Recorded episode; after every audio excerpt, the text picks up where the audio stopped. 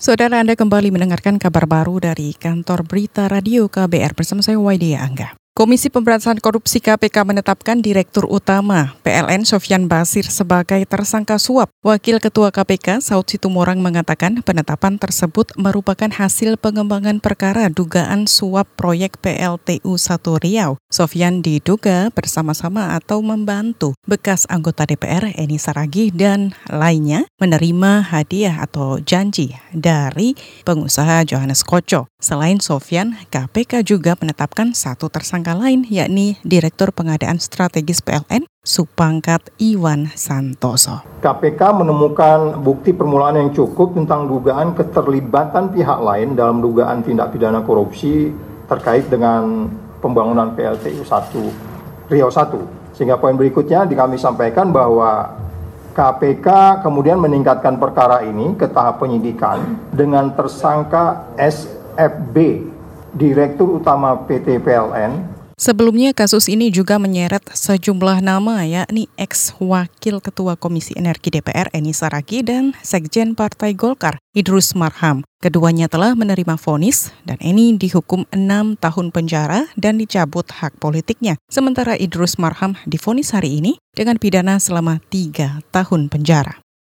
Kita ke berita selanjutnya, musisi Ahmad Dhani dituntut pidana satu setengah tahun penjara dalam kasus dugaan pencemaran nama baik. Dalam sidang di Pengadilan Negeri Surabaya hari ini, Jaksa Penuntut Umum Rahmat Hari Basuki menilai Ahmad Dhani terbukti menyebarkan materi bermuatan penghinaan Dani dinilai melanggar Undang-Undang Informasi Elektronik lewat unggahan vlog yang memuat kata idiot saat hendak menghadiri deklarasi gerakan 2019 ganti presiden. Menjatuhkan pidana terhadap Dani Ahmad Prasetyo dengan pidana penjara selama satu tahun dan enam bulan Sementara itu, kuasa hukum Ahmad Dhani, Aziz Fauzi menilai kasus ini janggal lantaran beberapa saksi sudah mencabut berita acara pemeriksaan. Ia menilai dakwaan pencemaran nama baik untuk kliennya tidak tepat. Ahmad Dhani bakal menyampaikan nota pembelaan atau pledoi pada 7 Mei mendatang.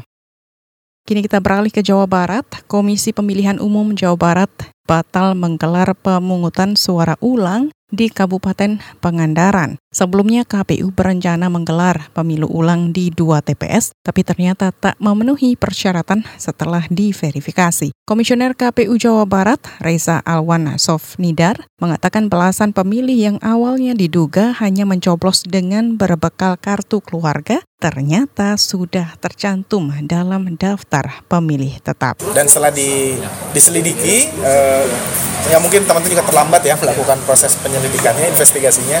Ternyata mereka sudah tercatat. Jadi kalau mereka tidak tercatat uh, bisa potensi PSU. Tapi ketika dicek ternyata tercatat di DPT. Komisioner KPU Jawa Barat, Reza Alwan Sofnidar, menambahkan, hingga saat ini belum ada pemungutan suara ulang di wilayahnya, namun ada 11 TPS yang digelar pemilu susulan. Kini kita ke Aceh Utara. Seorang petugas panitia pemilihan kecamatan di Aceh Utara atas nama Tauku Syahril meninggal dunia karena kelelahan. Sementara itu satu petugas lain masih menjalani perawatan intensif di rumah sakit. Sekretaris Komisi Independen Pemilihan Aceh Utara Hamdani mengatakan Syahril yang menjabat Sekretaris PPK Baktia tak tertolong setelah mendapat perawatan selama dua hari. Kita dua jam yang lalu kelelahan dalam tugas. Tidur tidak bangun-bangun.